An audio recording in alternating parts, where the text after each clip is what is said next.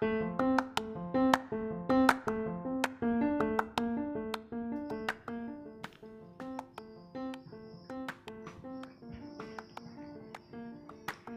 teman muda, ketemu lagi di podcast Ask Mel. Bulan ini kita akan membahas tentang tema keluarga atau family, home of comfort. Nah, pasti kalian semua udah tunggu-tunggu nih episode kali ini. Karena kita semua terlahir di dunia ini ke dalam sebuah keluarga baik itu keluarga biologis ataupun itu keluarga yang tidak berhubungan darah sekalipun. Nah, kita langsung bahas yuk obrolan kita di podcast Asmel. Sebetulnya kenapa sih manusia membentuk sebuah keluarga? Banyak dari teman-teman yang sudah merespon di Instagram @amelia_jayadi tentang tujuannya untuk berkeluarga.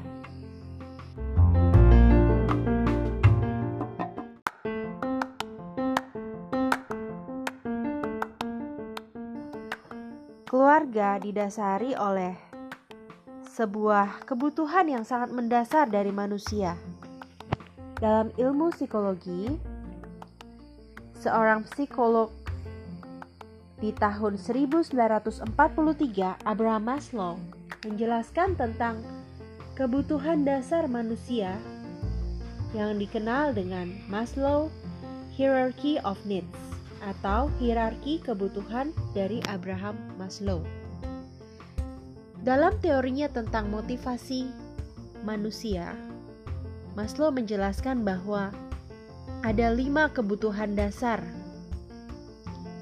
Yang paling pertama adalah kebutuhan fisiologis atau kebutuhan yang berkaitan dengan fisik dan biologis manusia itu sendiri. Contohnya, makanan, tempat untuk beristirahat yang layak, pakaian, termasuk juga reproduksi. Kebutuhan yang kedua setelah kebutuhan fisik adalah kebutuhan rasa aman. Nah, kebutuhan rasa aman ini merupakan sebuah kebutuhan psikologis. Mengapa dari dua kebutuhan ini akan lebih mudah dipenuhi jika manusia berada dalam sebuah kelompok yang disebut keluarga?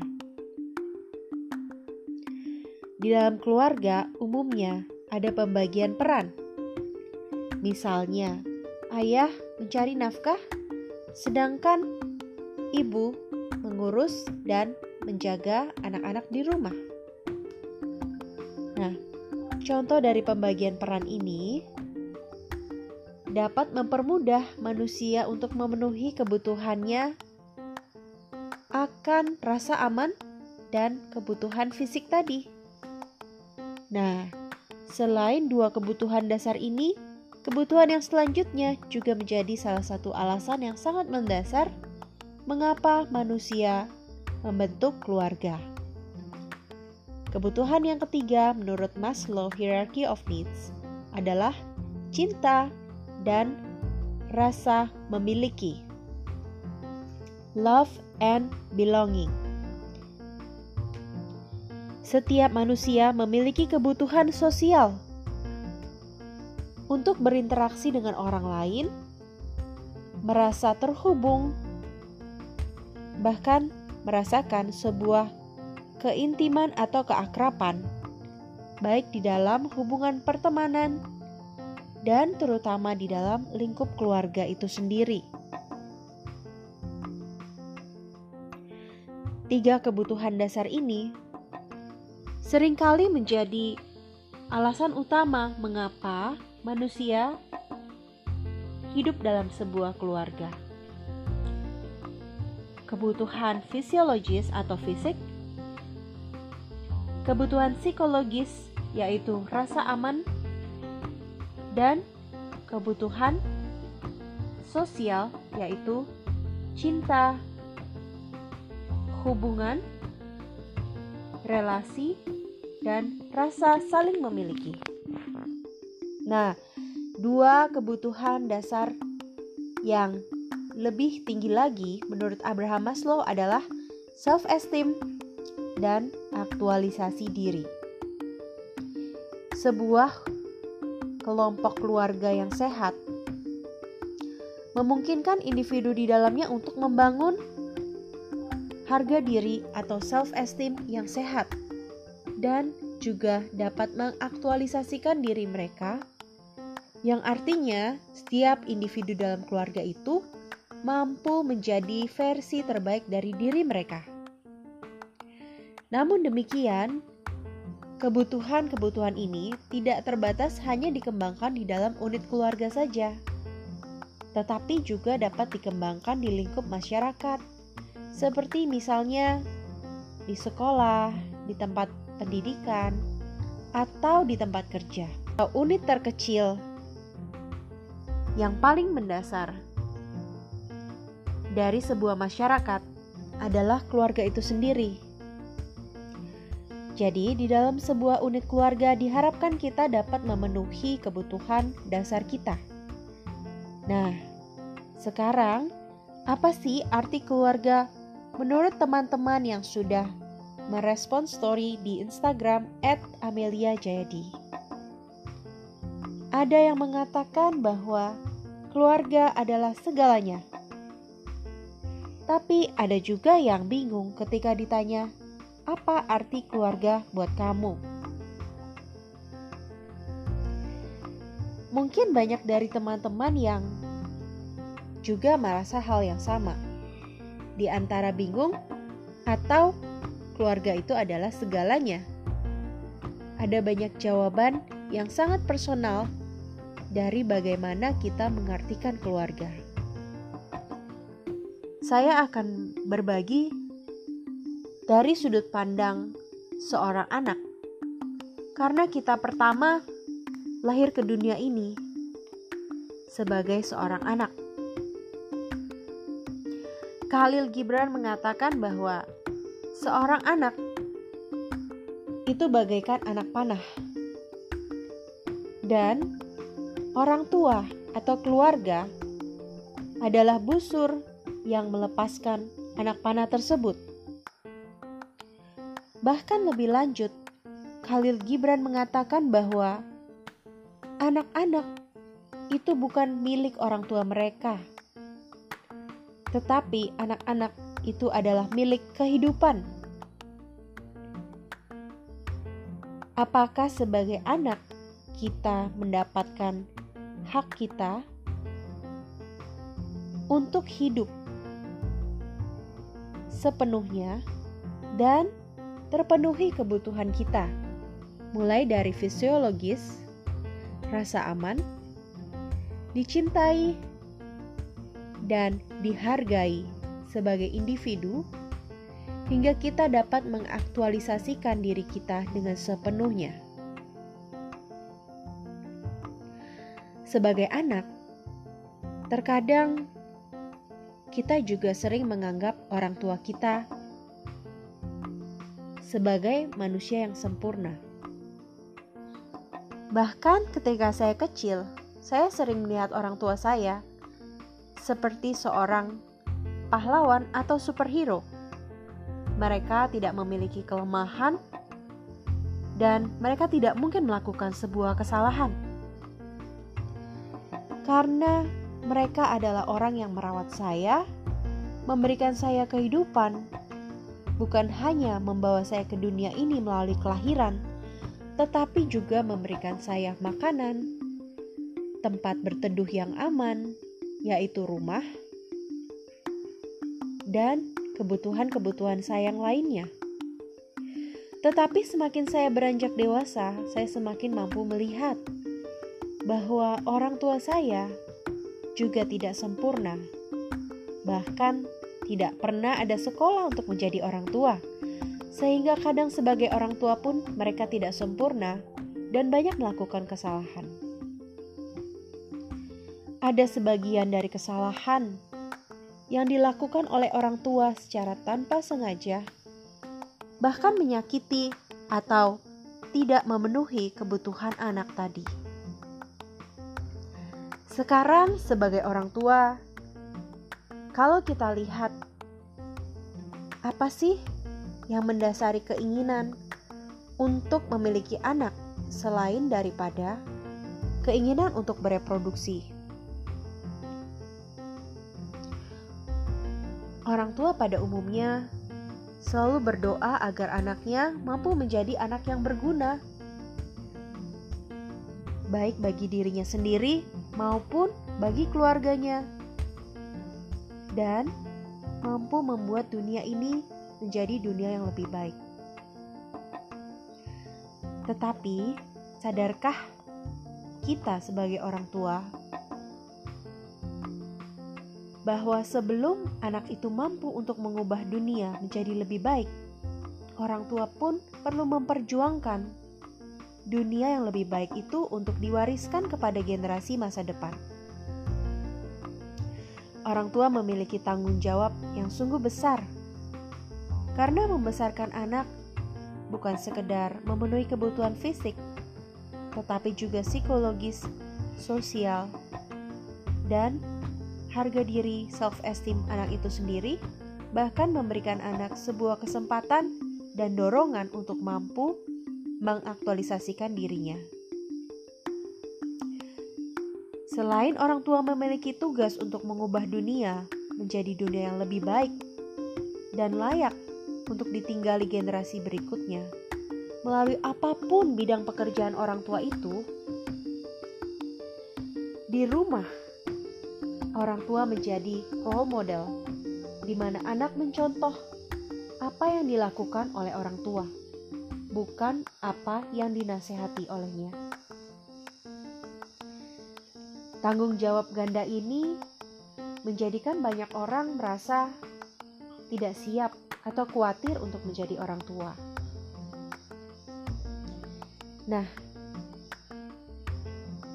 secara natural, manusia membentuk keluarga melalui pernikahan.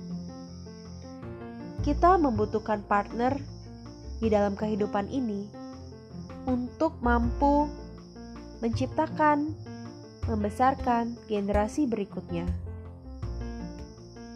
melakukan tanggung jawab sebagai orang tua yang begitu berat akan sungguh sulit ketika dilakukan sendirian. Untuk itulah, sebuah pernikahan ketika seorang laki-laki dan perempuan memutuskan untuk berkeluarga, mereka juga berkomitmen untuk saling bahu-membahu, bukan terlebih dahulu untuk memiliki dan membesarkan anak, tetapi untuk saling mengaktualisasikan diri mereka sendiri maupun pasangan mereka untuk menjadi versi yang terbaik dari dirinya. Dan ketika mereka telah mampu untuk saling mendukung, saling mengasah, dan mengubah dirinya sendiri dengan bantuan dari pasangannya untuk menjadi pribadi yang lebih baik dari hari kemarin tanpa membandingkan dengan pribadi yang lain. Ketika itulah seseorang dan sepasang calon orang tua dikatakan siap untuk membesarkan generasi selanjutnya. Nah, judul kali ini bertema Keluarga, Family, Home of Comfort.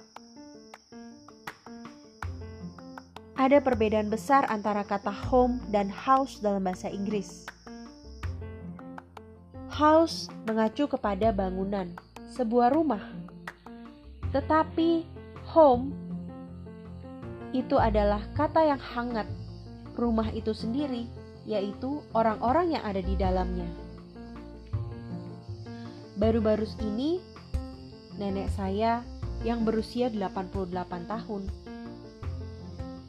tidak dapat lagi hidup sendiri karena ia telah mengalami penyakit Alzheimer, sehingga rumahnya dijual dan ia tinggal dengan orang tua, orang tua saya.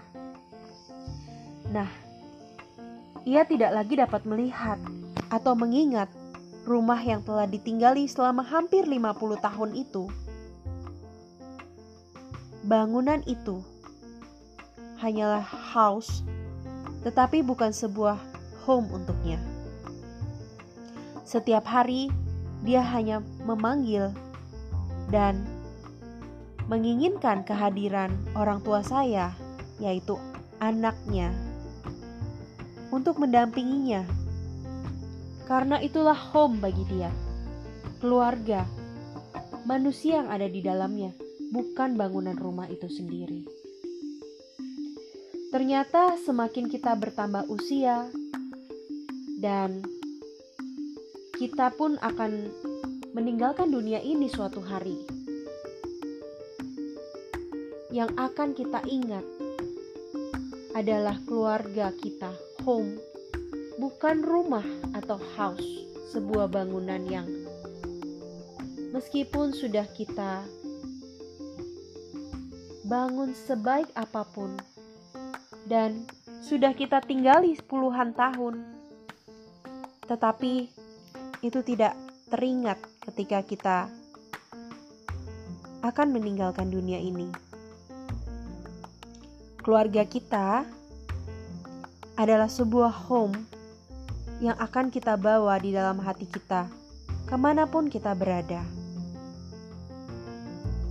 Nah, untuk menciptakan sebuah kenyamanan, comfort, sama seperti sebuah rumah perlu usaha untuk membangunnya. Demikian pula, untuk menciptakan home atau keluarga, sebuah relasi dan interaksi antar manusia di dalam unit keluarga yang begitu nyaman itu memerlukan usaha. Bayangkan ketika membangun sebuah rumah, arsitek perlu menggambar, terasa nyaman dan terlihat indah ketika kita tinggal.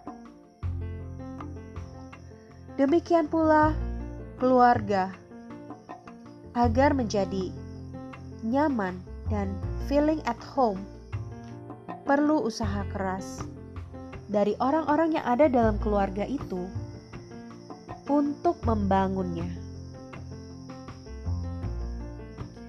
Dimulai dari mana? Dimulai dari setiap anggota keluarga itu. Nah, teman muda, kalau saat ini kamu dapat merasakan berada di sebuah keluarga, kamu sangat beruntung. Karena banyak sekali orang di luar sana yang tidak feel at home ketika mereka berada di bangunan rumah mereka sendiri. Tetapi sebaliknya, banyak juga orang-orang di luar sana yang tidak merasakan kenyamanan sebuah rumah karena kebutuhan fisiologis mereka tidak terpenuhi. Masih banyak umat manusia di dunia ini yang hidup di bawah garis kemiskinan bahkan hidup dalam kondisi peperangan, di mana bukan hanya kebutuhan fisiologis yang tidak terpenuhi, tetapi juga rasa aman, perlindungan, dan ketenangan itu tidak dapat mereka nikmati setiap hari. Seperti kita, kebanyakan dari kita yang mendengarkan episode kali ini. Jadi, dengan keberuntungan yang sudah kita miliki, sebuah keistimewaan untuk boleh memiliki sebuah keluarga. Mari kita bangun keluarga kita untuk lebih terasa nyaman lagi. Jadikanlah keluarga kita a home for each other, sebuah rumah yang bukan berupa bangunan, tapi rumah kasih sayang, love and belonging, di mana kita mampu saling menerima dan mendukung satu dengan lainnya, serta mengungkapkan rasa cinta kita dengan bahasa cinta yang sesuai kepada anggota keluarga lain. Jika kita mampu menciptakan keluarga kita dan rumah kita sebagai home for each other, dimulai dari diri kita sendiri, maka dengan usaha yang pasti dan tekun, kita pun akan mampu menikmati family home of comfort. Jika teman-teman muda memiliki pertanyaan atau komentar apa pun tentang episode kali ini, yuk langsung follow dan komentar atau DM di Instagram @amelia_jayadi serta ikuti terus episode berikutnya dari podcast Ask Mel. Bagikan juga ya ke teman-temanmu yang lain dan ajak keluargamu juga untuk mendengarkan. Terima kasih dan sampai jumpa lagi. Dadah.